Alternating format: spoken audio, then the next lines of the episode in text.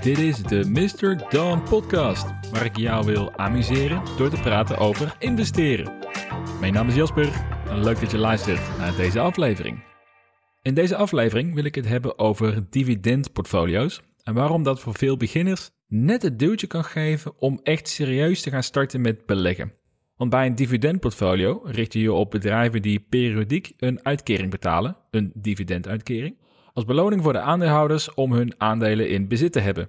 En zeker voor degenen die starten of nog zoekende zijn, of misschien het spannend vinden om serieus geld in aandelen te investeren, heb ik drie redenen voor ze waarom dit een uitstekend startpunt zou kunnen zijn. Maar voordat we starten, de gebruikelijke disclaimer. Deze podcast is voor entertainmentdoeleinden. Ik ben geen financieel adviseur, dus doe altijd je eigen onderzoek. Als startende belegger zal je in de beginfase heel erg zoekende zijn naar je stijl. En het is ook een kwestie van vertrouwen opbouwen in je eigen kunnen, het begrijpen hoe je broker werkt en ook ervaren hoe het is om aandelen te bezitten. Een dividendbeleggen kan daarmee een uitstekend startpunt zijn en wel door deze drie redenen. De eerste reden is dat je vanaf het begin het gevoel hebt dat beleggen jou geld oplevert. Het is een heel fijn gevoel als je net begint met beleggen en dat je ook de bevestiging krijgt dat je echt geld kan verdienen met je portfolio.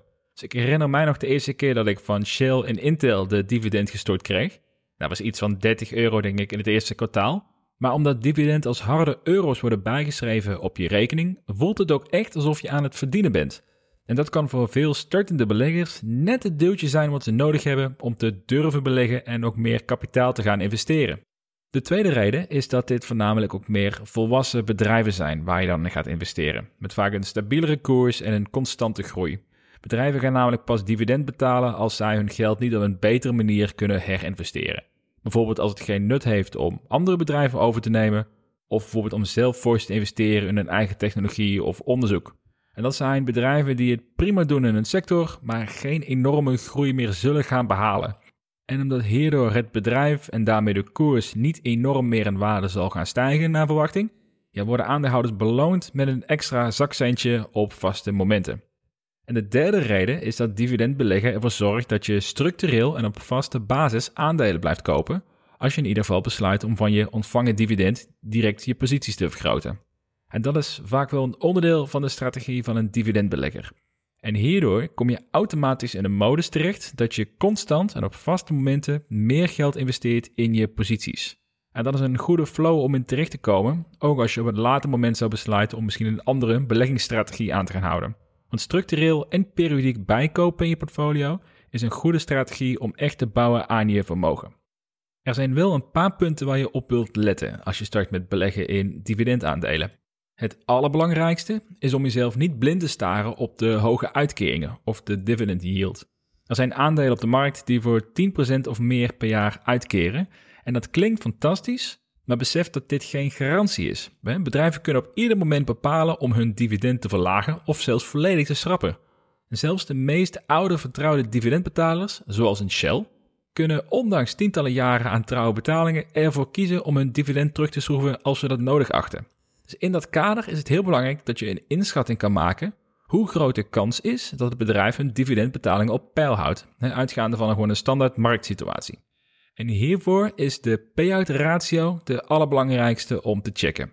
Dat geeft namelijk aan hoeveel procent van de netto winst wordt gebruikt om de dividendbetalingen te kunnen voldoen. De Shell heeft een payout ratio van 35% en een ratio tussen de 35 en de 55% dat wordt gezien als een gezonde situatie. En bedrijven die 70% of hoger uitbetalen, ja, daarvan is de kans groot dat ze bij enige tegenslag al worden verplicht om een dividend naar beneden te halen. Dus als je een aandeel hebt gevonden die je interessant vindt, voordat je het aandeel koopt, zoek uit wat hun payout ratio is. Een mooi startpunt als je begint met bouwen aan een dividendportfolio is om te kijken naar de lijst met Dividend Aristocrats en Dividend Kings. Bedrijven in de Aristocrats lijst hebben voor minimaal 25 jaar achter elkaar al hun dividenduitkering verhoogd. En bij de Kings is dat zelfs 50 jaar achter elkaar. Dus als je deze lijst, uh, als je deze lijst googelt, dan kom je er heel snel op uit er zitten bedrijven bij zoals Coca-Cola, eh, Johnson Johnson, Procter Gamble.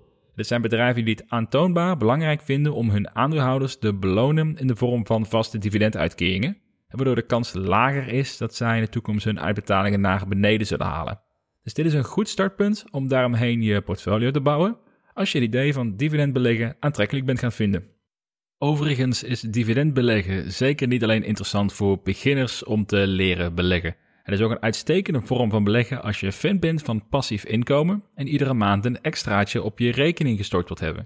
Stel dat je een portfolio hebt met de waarde van 100.000 euro en je totale portfolio heeft een gemiddelde dividend yield van 3%, dan krijg je iedere maand 250 euro uitbetaald, puur en alleen voor het houden van hun aandelen. En persoonlijk kies ik er zelf ook voor om op een latere leeftijd, als mijn tijdhorizon kleiner wordt, bijvoorbeeld als ik met binnen 5 of 7 jaar met pensioen wil gaan, ja, om dan mijn focus te herleggen naar een dividendportfolio. Het is over het algemeen is het een stabiele portfolio en als je door de jaren heen een mooi vermogen hebt opgebouwd, kan dat een uitstekende aanvulling zijn op je maandelijkse inkomsten, waardoor je allicht net een paar jaar eerder met pensioen zou kunnen gaan. Ja, dat klinkt toch als een um, uitstekend vooruitzicht.